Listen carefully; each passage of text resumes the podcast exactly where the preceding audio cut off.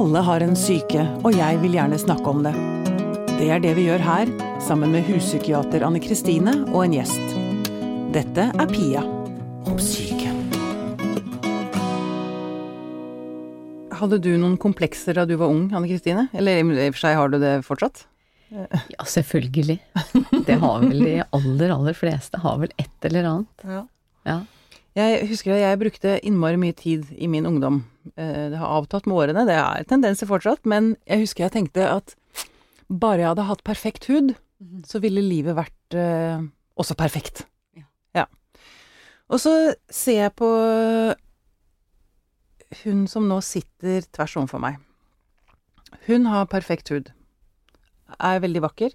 Så må jeg jo trekke igjen konklusjonen når jeg da har lest alt hun har skrevet i bloggen sin. eh, Så tenker jeg at eh, perfekt hud betyr ikke at man seiler gjennom livet på et eh, rosenblad. Eller Nei, Linnea Myhre, velkommen hit, må jeg først si. jo takk for det. Nei, jeg vet ikke. Nå har jeg vært veldig blessed med hud fra min mors side, og det er jeg for så vidt ganske glad, i, så jeg glad for, så jeg vet ingenting om å slite med det. Når jeg får en kvise en gang i året, så er det jo krise, selvfølgelig. Ja. Men eh, jeg kan ikke sette meg inn i det. Men jeg vet jo alt om kropp, og jeg trodde jo også lenge det at hvis de, liksom, hvis de bare var tynn nok eller perfekt nok, så ville på en måte alt annet komme eh, av seg sjøl, da. Mm. Eh, men eh, det handler jo, har jeg funnet ut, om å ha det godt med seg sjøl i hodet. Det handler ikke om egentlig hvordan du ser ut. Nei, Ikke sant, for det spiller nesten ingen rolle. Altså, du kan se ut som den mest perfekte Barbie-dukke. Ja, og jeg merker jo det nå um, i etterkant. Nå har jeg forstått det at liksom når jeg har det bra i hodet, på en måte, når jeg er på et godt sted psykisk, da, så, uh, så har jeg det egentlig veldig godt med kroppen min også. Og da kan han se ut akkurat som han har gjort på et tidspunkt hvor jeg har hatt det ganske dårlig, og jeg har vært veldig misfornøyd med kroppen min. Så det handler egentlig ikke om hvordan kroppen ser ut og, eller og føles ut, på en måte. Det handler om ja, hjernen, rett og Mm. slett. Vi har så vidt touchet innom eh, spiseforstyrrelser i en tidligere episode med Finn Skårderud, men nå har jeg lyst til å gå litt eh, Jeg har lyst til å ete meg litt innpå den, for å si det sånn.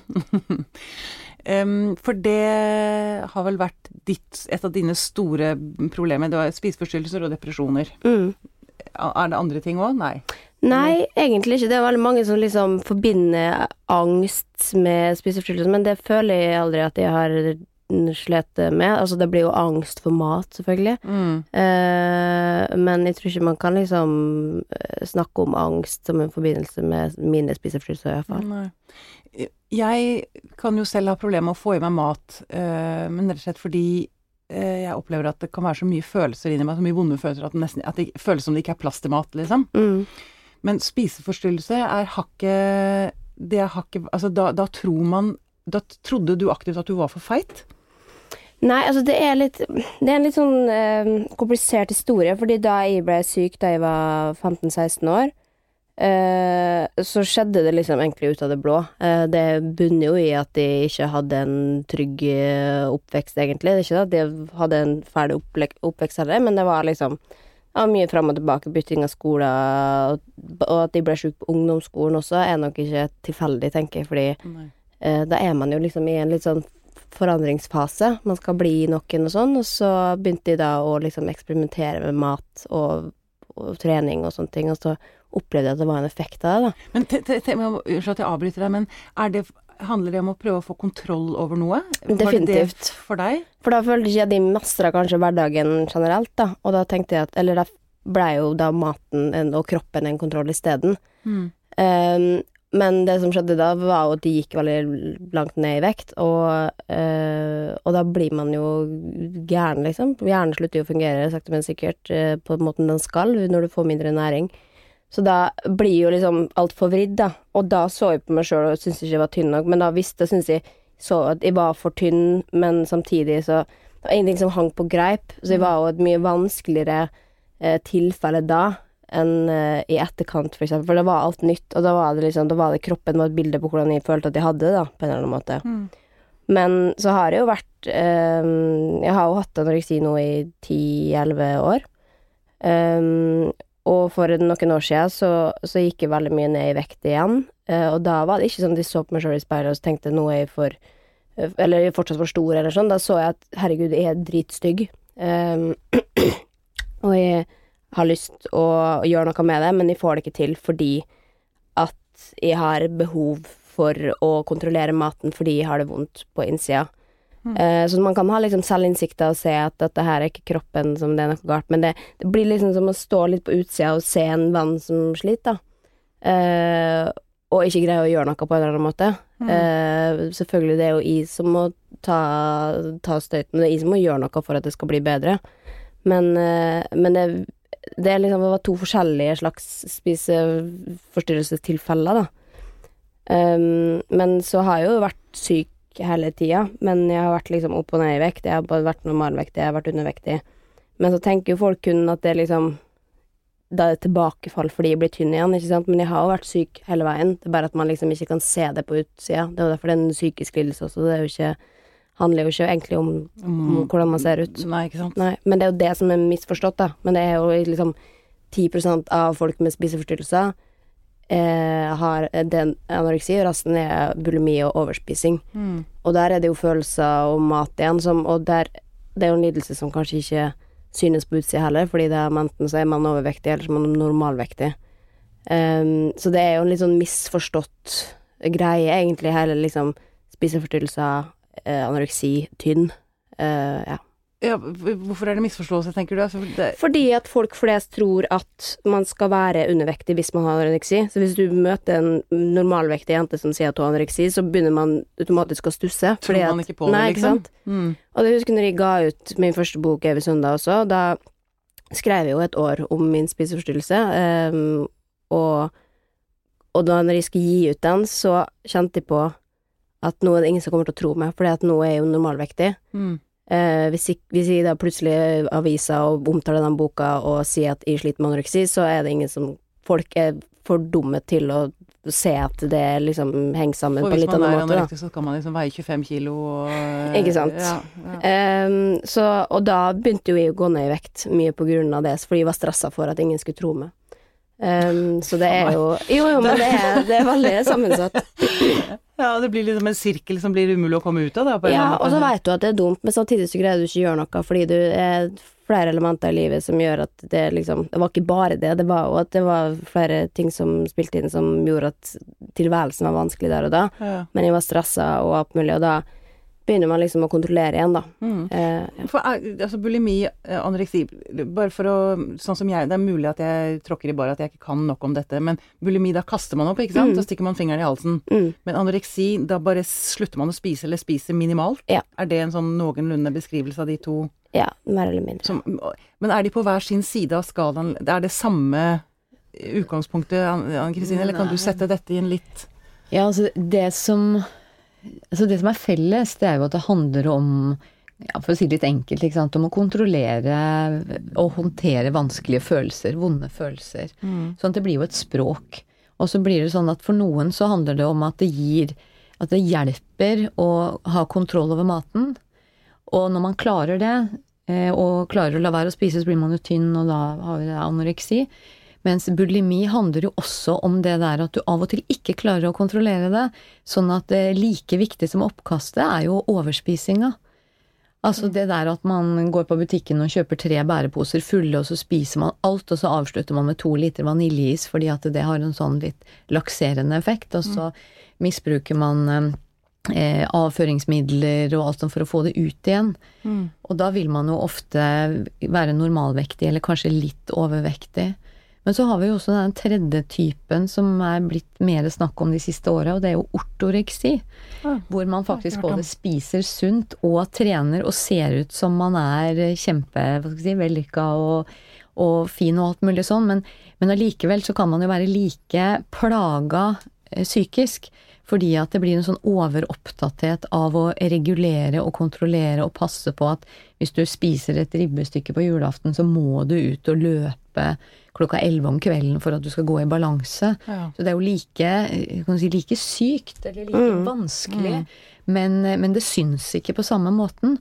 Eh, Men alt sammen er jo variasjoner, og hos gutter så kan det jo bli dette som kalles megareksi, at du blir så opptatt av å være muskuløs At det, det er det som blir viktig. Ikke det å være Ja. tynn, men det å være stor i overkroppen. Det handler om en sånn overkontrollering av, eh, av sin egen kropp, liksom.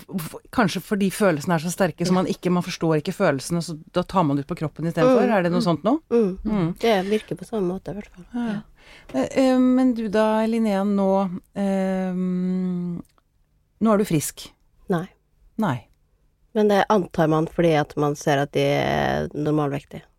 Ja. Mhm. Men det, jeg tror jeg sier det på bakgrunn av ting, andre ting jeg har lest nå, at det virker som om du har mye mer selvinnsikt, eller at du, at du liksom har, har kommet litt på toppen av sykdommen din. Ja, det har jeg absolutt. Um, og hvis jeg liksom hadde kunnet bestemt meg for å bli frisk, uh, hvis det var sånn det funka, uh, så er jeg litt usikker på om jeg egentlig hadde gjort det også, for det handler jo, spiseforstyrrelser handler jo også veldig mye om identitet. Uh, så sjøl om jeg nå veit mye om hvem jeg er og hvorfor jeg handler som jeg gjør, og hvis det skjer store katastrofer i livet, så, så tar jeg det Altså, da kontrollerer jeg det ved å, å, å sulte, eller altså lignende, da.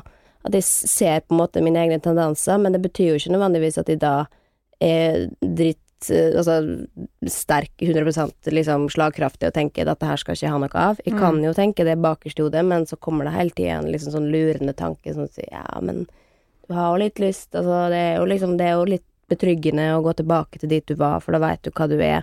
Og det er jo det den du egentlig er, sant. For nå har jo jeg hatt spiseforstyrrelse, som sagt, i ti-elleve år. Og øh, jeg kan jo ikke huske hvem jeg er uten. Jeg Du kan ikke huske? Nei, jeg kan ikke huske hvordan det er å ikke tenke på mat her hele døgnet. Mm. Um, og sjøl om jeg, jeg For jeg tenker jo fortsatt på mat hele tida. Det er det første jeg tenker på når jeg våkner om, morgenen og gjennom hele dagen. Og jeg liker å ha kontroll og ha planer og sånn. Men jeg har bare blitt bedre på å leve med det på en eller annen måte. Ja, du har lært det akkurat. Ja, eh, og det er jo trist, men det er jo samtidig så er jeg så innmari redd for å miste den følelsen av en slags kontroll eller identitet, fordi jeg er så redd for å vite hvem, eller å finne ut hvem jeg er uten, da. Eh, og det er jo kanskje mye på grunn av at altså, hvem, hvis jeg er ut, hvem jeg er uten, er jeg tjukk uten, liksom. Det er jo det, for det, frisk er jo veldig ofte assosiert med å være tjukk for en med spiseforstyrrelser. Ja. Men er du ikke nysgjerrig på hvem du egentlig er da? Eh, Kan det ikke hende at det ligger noe jævlig kult bak der igjen? Jo, men altså, det er jo ikke det at jeg er helt, et helt annet menneske. Det er jeg nok ikke. Eh, jeg er nok mye av det samme, det er bare at det, liksom, det er ikke så anstrengt rundt mat, og at jeg må planlegge eh, rundt det. Men det er jo klart at jeg, jeg skulle ønske hvordan det var å aldri eh, å føle det på den måten, på en eller annen måte, men eh, jeg er bare så innmari redd for at det Ja, det, så jeg vet ikke hvordan jeg skal få det til, da, rett og slett. Nei. Så, Men, kan jeg spørre, gå- har du fått hjelp? Altså, har du, går du, gått i terapi Jeg har sånn? gått til Finn Skålerud i fem år nå. Ja, Ja. Ehm, så jeg oppsøker jo hjelp, og det er jo kanskje det viktigste, for det, med en spiseforstyrrelse så er det kanskje litt ekstra vanskelig å søke hjelp, nettopp på grunn av det at du er redd for å bli frisk. Så jeg har liksom vegra meg mye for å bli Eller å gå til, til å søke hjelp, fordi Mm. at eh, da veit jeg at jeg, jeg står i fare for å bli frisk på en eller annen måte. Men fordi du tenker at da har du ikke den, det, den identi altså, identiteten du er redd for å miste Mm. i det? Ja. Du, ja, nettopp. Eh, men så merker jeg jo det at altså, å ikke gå i terapi, det er jo Det hjelper meg i hvert fall ikke da, for da blir det jo bare en sånn ond sirkel igjen, og da det er, Når du har en spiseforstyrrelse, så blir det veldig sånn rigid hverdag, da, og det kan bli veldig slitsomt, men det er veldig trygt. Mm. Men da blir du jo fanga i en slags eh, en boks, da, eh, som gjør det vanskelig for å være sosial, for eksempel, fordi du hadde planlagt å spise det og da, og så hvis folk plutselig spør ja, men skal du ikke være med og spise middag isteden, så må du hjem, og ikke Ja, sant. Uh, og det merka jeg at det var liksom slitsomt i lengden. Så når jeg hadde sittet inne da i to-tre år og bare sagt til meg sjøl at jeg trenger ikke hjelp, jeg trenger ikke hjelp, fordi jeg har blitt bedre enn det jeg var da jeg var 16, uh, så, uh, så merka jo det at jeg på en måte tapte jo livskvalitet bare på det. Jeg ble deprimert, ikke sant, fordi du sitter bare inne og har ingen sosial eh, omgangskrets, eh, bortsett fra på internett, og det er jo ikke det samme. Så da gikk jeg til Finn for første gang for å liksom prøve å, å få bukt med det, da. Det var ikke nødvendigvis det at mm, jeg tenkte at nå skal jeg bli helt frisk, og nå skal jeg ikke tenke på mat ever again. Um, så det var litt sånn ambivalent følelse, men det var, jeg hadde jo heller lyst til å bli litt bedre uh, enn å måtte sitte inne uh, hver dag og spise det måltidet jeg var, følte at jeg måtte spise. Mm. Ja, for, og jeg har lyst til å Du sa en, det fører også gjerne med seg en depresjon. Mm. Eh, kanskje fordi, som du sier, altså man det blir en sånn overkontroll, og man trekker seg unna mennesker eh, for å klare å holde kontrollen på maten. Det, er vanlig det at, at en depresjon følger med i en spiseforstyrrelse, eller? Ja, vet du, depresjon følger egentlig med en god del forskjellige psykiske plager. Mm. Fordi at det er jo som Linnea sier, at når, eh, når man da plutselig opplever det at eh, alt er styrt, Mm. altså alt styres ut ifra spiseforstyrrelser, man kan ikke gjøre de tingene man har lyst til å gjøre, man kan ikke være sammen med venner, så er det en ganske sånn trist erkjennelse. For, det, for det, det så jeg at du skrev noe om at du vet at du egentlig får det veldig mye bedre hvis du går ut og tør å være Mm. sammen med folk. Mm. Altså, jeg kjenner jo igjen det der veldig godt. Jeg som bipolar, ikke sant. Jeg går jo og svinger jo veldig opp og ned. Ja, Og så blir jeg redd for min egen Eller jeg blir redd for at jeg blir en plage for andre. så Ja, jeg fordi- tenker at det er bedre for andre at jeg holder meg for meg selv, fordi jeg er en byrde, da. Ja, Har du vært innom det òg, eller? Ja, jeg føler mye på det ofte, og av og til så tenker jeg liksom om vennene mine Herregud, jeg, hvorfor er de vennene mine egentlig? Jeg er jo bare sur og negativ og, og sånn. Men så, jeg har jo blitt mye bedre de siste åra. Jeg har jo Vi skal sammenligne meg sjøl fra den jeg var for fem år siden, så var jeg jo Da var jeg jo deprimert og likte å være det, på en måte. Jeg dyrka den der eh, melankolien og Jeg kjenner igjen det. uh, og, og det kan jeg av og til kjenne litt på nå. De trenger noen dager hvor jeg bare kjenner at i dag er det veldig søndag, og at jeg trenger å ligge her og, og slå av telefonen, på en måte.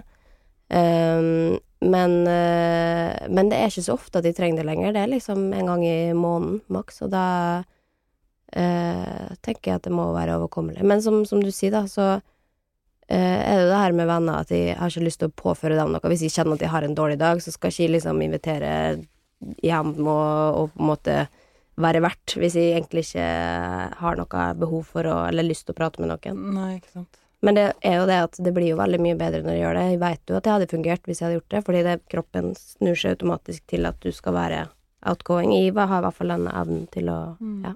Mm. Um, hvis du selv en dag får en datter, mm. hva tenker du du ville gjøre for å passe på at hun fikk et godt uh, selvbilde? Har du, har du tenkt, tenkt over det? Ja, jeg har jo tenkt at uh, jeg ikke vil ha barn, egentlig, fordi jeg er livredd for akkurat det. Men Mm. også fordi at jeg er redd for hva jeg sjøl kunne på en måte påført mitt eh, eventuelle Underbevisst, ja. Ja. ja. Men eh, jeg veit jo på en måte Jeg ser jo hvor andre brenner, så jeg tenker jo veldig mye på Foreldre er jo, er jo det største forbildet et barn kan ha, Mm. og eh, da se, Det der med å på en måte At foreldre er misfornøyd med sin egen kropp og omtaler den negativt, eller spiser andre, andre typer mat enn en barnet og sånn, og snakker snakke ja, snakke nedsettende om seg sjøl, nå har jeg lagt meg, og, og sånne ting. det setter seg jo i, i underbevisstheten til barnet. Mm. Eh, og jeg har jo selv også hatt en mamma som har liksom slanka seg litt og sånn, og jeg husker jo at jeg lot meg ikke påvirke sånn som at jeg kjente det, men jeg tror nok kanskje det også har bidratt til at jeg har blitt veldig bevisst på min egen kropp og eh, kalorier og, og det å spise mindre vil jo få at du, du får gå ned i vekt og sånn. Men har altså, da jeg vokste opp, så var det jo ikke internett på den måten som vi har i dag. Eh, og det tenker jeg at er et ekstra og veldig stort problem. Eh, som gjør at man sammenligner seg veldig, veldig mye mer enn det man gjorde før. Og nå er det jo nesten eh, oppskrifter hvordan bli som enkelte også. Du har store bloggere som skriver om trening og, og mat og oppskrifter og alt mulig sånn, og så eh, Der er du ganske rasende, ser jeg. Det er kult. Ja, jo, men det er noe jeg liker. altså. Jo, men det er så mye fokus på det, og nå er det liksom Nå, nå er jeg nesten litt lei av å liksom snakke om kroppspress også, fordi at hvis jo mer vi snakker om det, jo mer fokus blir det jo på alt, på en eller annen måte. Mm. Men jeg skulle ønske at liksom det ikke handla så veldig mye om det ytre, da. At man kunne lære hverandre hvordan man var kule mennesker, bare, istedenfor å liksom se sånn ut eller kjøpe klærne mine. Mm. Um, for det skaper jo et enormt press, og spesielt på unge som ikke kanskje er i, i stand til å liksom håndtere den informasjonen heller, eh, som kanskje er meint for litt eldre jenter og gutter. Så kommer det en elleveåring og skal lese om lavkarbopanne, liksom. Det er jo ikke eh, Det er ikke ideelt. Det er ikke, det er ikke genialt, det. Jeg tenker at vi skulle, det hadde vært så kult Jeg syns vi skulle hatt sånn selvfølelsesskole. Ja. Timer i selvfølelse. Det er jo noe av det viktigste vi kan lære. Er du ikke enig i det? Jo, men så tenker jeg også at det er sikkert eh, Eller det er nok nyttig også å på en måte være bevisst på den påvirkningskrafta ting har, og det, det er jo jeg, men jeg lar meg jo likevel påvirke av alle artikler og blogginnlegg og, og sånne ting som jeg egentlig veit at jeg, dette burde ikke lese, så gjør jeg det likevel. Men eh, eh, Eller hvis jeg står på tredemølla, og så har jeg lest på en eller annen blogg at vedkommende har løpt ti kilometer, og så står jeg på tredemølla sjøl, og så kjenner jeg at åh, gud, jeg greide, bare å springe så så langt i dag. Men hun sprang jo ti kilometer, da må jeg også få det til, ikke sant? Og så eh, og, for, og sånn er det nok veldig mange som tenker, og så springer de ti kilometerne sjøl om de egentlig ikke hadde lyst eller greide det, eh, og at det blir da noe sykelig ut av det. Men da tenker jeg at hvis du veit det, på en måte, at de kan reflektere over det, at dette det, det angår ikke meg hvor langt hun har løpt, liksom, det, det spiller ingen rolle. nei. Derfor trenger jeg ikke gjøre det. At nå er jeg sliten, nå er min kropp sliten. Mm. Hva hennes kropp er, spiller ingen rolle for meg. Nei, og også altså, Hvis du går av tredemøllen på sju kilometer, da, Mm. og så går du hjem og føler deg helt mislykka fordi du ikke klarte ti, og så har den treningsøkta faktisk Som jo faktisk har gjort kroppen din godt, Ja, ikke sant. så sitter du og føler deg mislykka når du har faktisk gjort en god ting. Ja, men det er det jeg man, tenker man når aldri opp, da. Man blir aldri bra nok, liksom. Nei, men det er det jeg tenker at da må man tenke at no, det, er- det det som er sykelig. At så lenge at man prøver å fokusere på at herregud, jeg sprang så langt som jeg greide å springe, og det er, det er godt nok, liksom. Jeg kan ikke sammenligne meg med alle andre, fordi alle er forskjellige. Eh, Så lenge man på en måte er bevisst på det, så tror jeg kanskje det er litt enklere, i hvert fall hvis du har blitt litt eldre, da. Men når du er ungdom, så er det klart at er lett å si at det bare sånn, ja, vær bevisst på det og tenk litt mindre på det og sånn. Det er jo ikke det. Det er jo helt jævlig å tenke på det Også. Har vi noen andre forbilder? Altså, hva, kan man, hva gjør man for unge? Eh, altså, som du sier, det er masse, masse blogger hvor de fokuserer på kosthold, på trening, på hvilke klær, hvordan kroppen din skal se ut, hvordan du skal være på håret, ikke sant. Det er helt umulig å leve opp til. Mm. Hva kan man bidra med? Hva, hva annet finnes der ute? Hva, som forelder, da. Hvis du, har, hvis, du, hvis du har en datter på 13 som nå begynner å slanke seg, hva kan man gi henne for å liksom bøte på, eller for motkultur? Er, finnes det noen? Er det noen som er kule, skjønner du hva jeg mener? Som At det er Jeg skulle jo ønske at jeg visste det, men, men eh, det er jo det jeg prøver litt på sjøl også, på en måte. Du er et forbilde i så måte. Ja, jeg prøver i hvert fall å være en slags motvekt, da. Mm. Um, men uh, altså, det, jeg opplever at det er ikke noe vits på den måten, for de fortsetter jo bare, det blir jo verre og verre. Um, men um, jeg skulle ønske at jeg hadde en løsning på hvordan liksom, foreldre skulle forholde seg til det. Bare det med hvor, hvor tidlig skal man få internett. Altså, det er så nytt og, og vanskelig at jeg uh, At jeg det, vil en litt sånn derre prøvekaningenerasjon, føler jeg. Mm. At nå bare prøver vi alt, og så ser vi hvor vidt det går til helvete om ti år, liksom. Mm. Uh, og det tror jeg nok kanskje at det kommer til å gjøre. Du tror det? Ja, hvis, med tanke på hvor mange 13 år gamle jenter som har utlevert livene sine fra de var 11, så eh, om ti år så jeg tror ikke de syns det er så kult. Nei. Eller- men du og din blogg, altså jeg tenker at du har jo fått mye ut. Og, Ja, og et raseri, eller altså, et sunt raseri, da. jeg har, jeg har ikke vokst opp på internett, men jeg har jo på en måte vært der lenge, og folk har sett meg. Um, og det eh, er jeg glad for, for så vidt. Jeg, har, jeg føler ikke liksom at Jeg begynte da jeg var 17, og da, eh, da er jeg jo liksom ja, mer eller mindre liksom halv, halvvoksen på en eller annen måte. Det hadde vært mye verre hvis jeg, om jeg bare hadde så begynt to-tre år eh, tidligere, Ikke liksom. Men likevel så er det ting jeg kan angre på, eller uh, sånne ting som jeg, hvor jeg var umoden. Men umoden er man jo alltid på en eller annen måte. Og man, altså, hvis man leser ting bare jeg skrev i fjor, så syns jeg at det er dårlig, ikke sant. Mm. Så man, det handler litt om å vokse på det også, men uh, jeg trenger jo ikke gå og oppsøke det jeg skrev for så så mange år siden, år siden. Så lenge jeg vet at det på en måte er innafor en viss grense, at det ikke liksom henger ut noen, eller Mm. uh, ja. Mm. Hva tenker du, Anne Kristine, om det Linnea sier, eller at om ti år nå, altså disse som vokser opp, vi har vært innom det før i tidligere podkaster, de som vokser opp med internett nå og utleverer seg. Ja, jeg er nok ikke så pessimistisk. eh, for jeg tenker at eh, altså mennesker har alltid utvikla seg, det har alltid kommet nye ting, og det tar litt tid å finne ut hvordan man skal håndtere det. Men jeg tror jo ikke det at vi kan nå begynne å begrense internett. Så min, mine råd når jeg snakker til foreldre f.eks., for eksempel, det er jo at de må være der sammen med barna sine. Fordi at du får ikke stoppa den informasjonsstrømmen, men det man kan gjøre, det er jo å hjelpe barn og unge til å bli mer kompetente til å vurdere sannhetsinnholdet, f.eks. Ja. Til å vite det at modeller er eh, retusjerte. Og til å Altså, hvis man lærer barn kritisk tenkning fra de er ganske små, og man skal ikke undervurderes barn allerede fra barnehagealder Hvis man hjelper barna til å utvikle kritisk tenkning, så vil de, når de da ser en lavkarbokur, så vil, eh, så vil det kunne være sånn at de tenker at hm, hvem er ute etter å tjene penger på dette? Mm, det er en Fordi god at, utdanning. eh, Ja, og, og jeg tenker at det det å si til barna sine at hver gang du ser reklame for noe, så må du huske at dette er ikke gjort for eh, at noen vil at du skal ha et bedre liv, det er gjort for at de skal tjene penger på sine produkter. Mm. Og hvis man f.eks. alltid hadde hatt den tanken når man leste noe helt fra man var bitte liten, Mm. så ville man jo blitt mer vant til å være kritisk. Mm. Og det jeg sier jo bestandig, er at selv om ungdom i dag har tilgang på all verdens informasjon, så blir de ikke klokere av den grunn. Sånn at det viktigste for barn, det er jo trygge voksenpersoner, både hjemme og på skolen, som eh, setter barna i stand til å altså, vurdere informasjon og til å være forberedt på det som møter dem. Mm. For dagens foreldregenerasjon har jo kommet sånn heseblesende etter. At barna er utforsker sosiale medier og er alle steder. Og så eh, Jeg har jo fremdeles venninner som sitter og snakker om at det handler om å begrense skjermtid.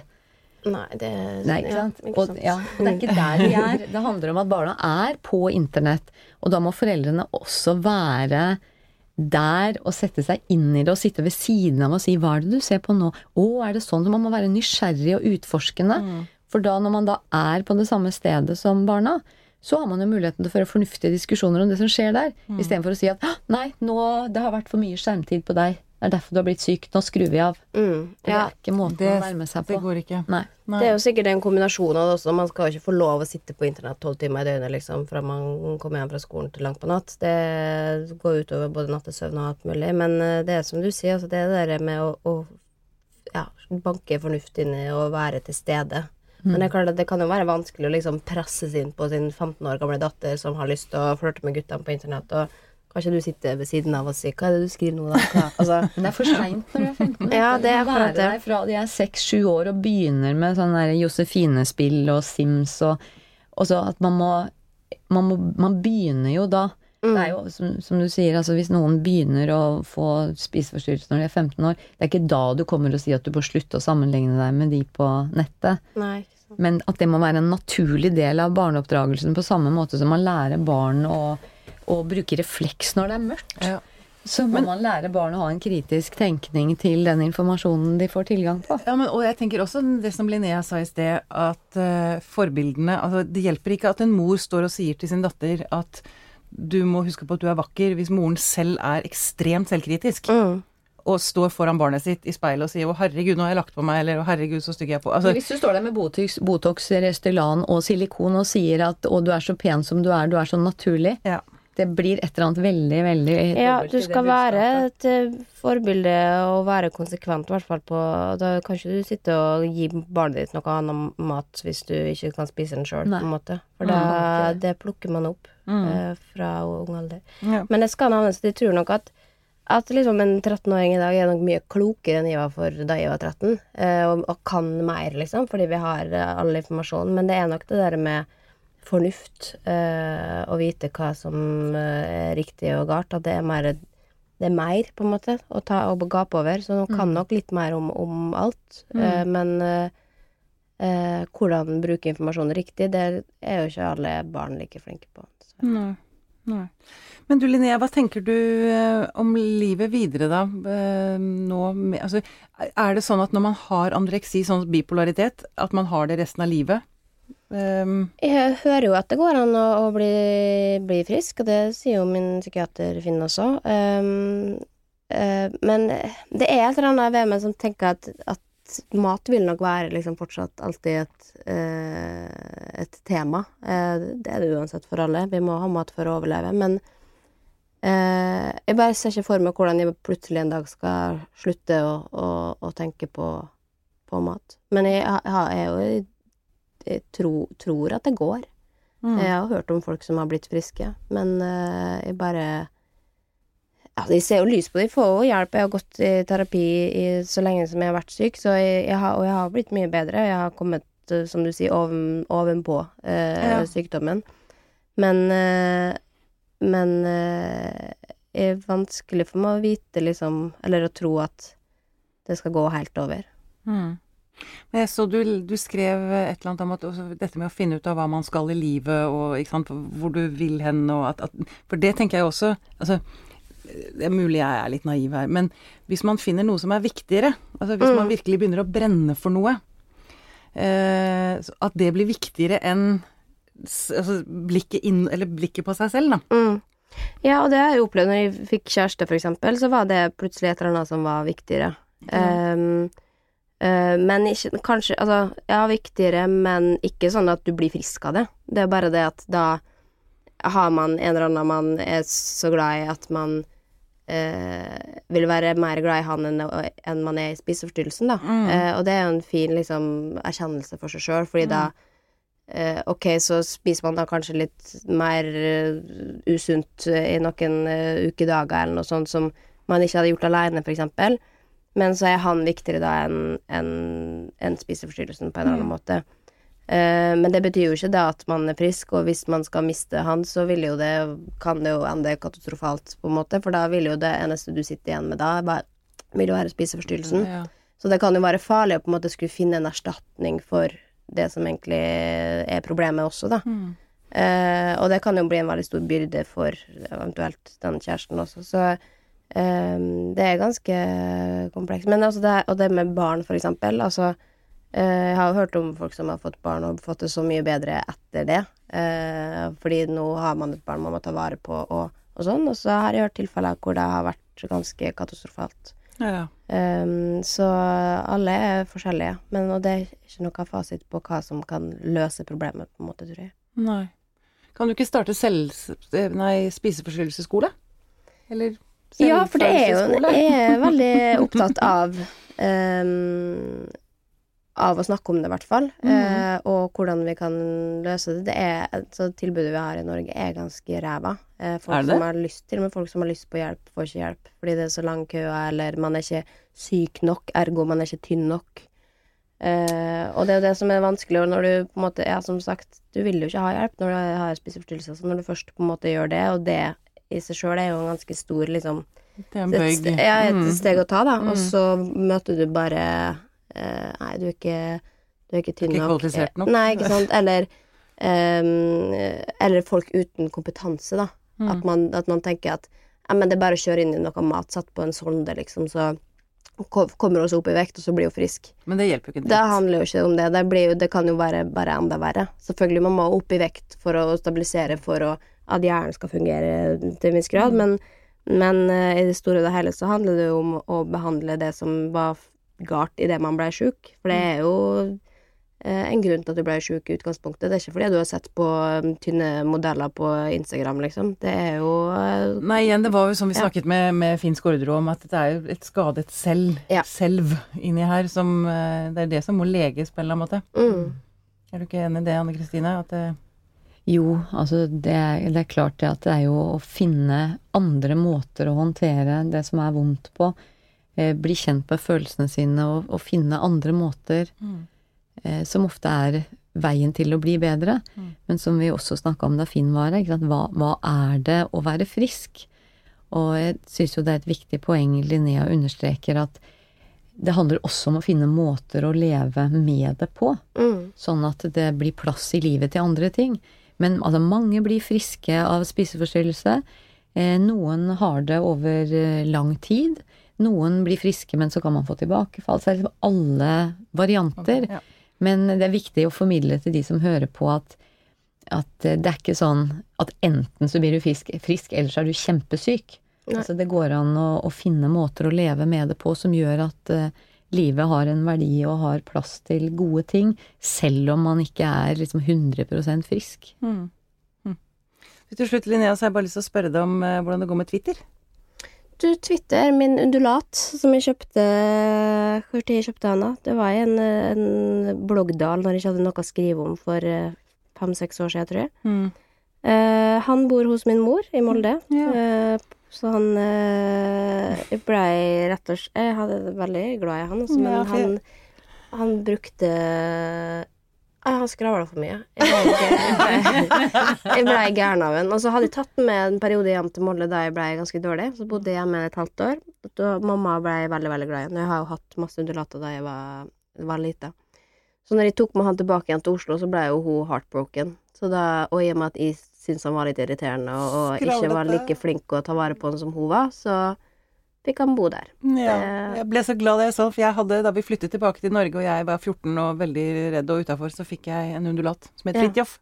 Som var så kul. Som drev og steppa og skravla høl i huet på meg, han òg. Ja. Men eh, jeg ble så glad da du så. Det er, det er ikke så vanlig å ha undulat lenger. Nei, men det var det, jeg kjøpte den jo liksom på impuls fordi at jeg følte at nå jeg trenger et eller annet Både liksom selskap, men også noe å skrive om og, og ha og, og liksom pusle med, da. Men så tenkte jeg ikke over at herregud, undulater lever jo i 14 år. Eh, så det er liksom Jeg tenkte at det var ikke Ja, men det er jo ikke samme som å skaffe seg hund, liksom. Det er masse ansvar og sånn, men det er ansvar å ha er fugl òg. Så blir man jo veldig glad i dem. er, Mm. er det noe du har lyst til å si? Noe famous last words? Nei, det er jeg dårlig på, altså. Ja, det er greit.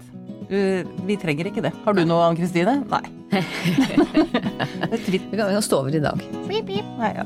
Linnea Myhre, tusen takk for at du kom. Takk for meg. Denne Podkasten er produsert Av Tid og Lyst.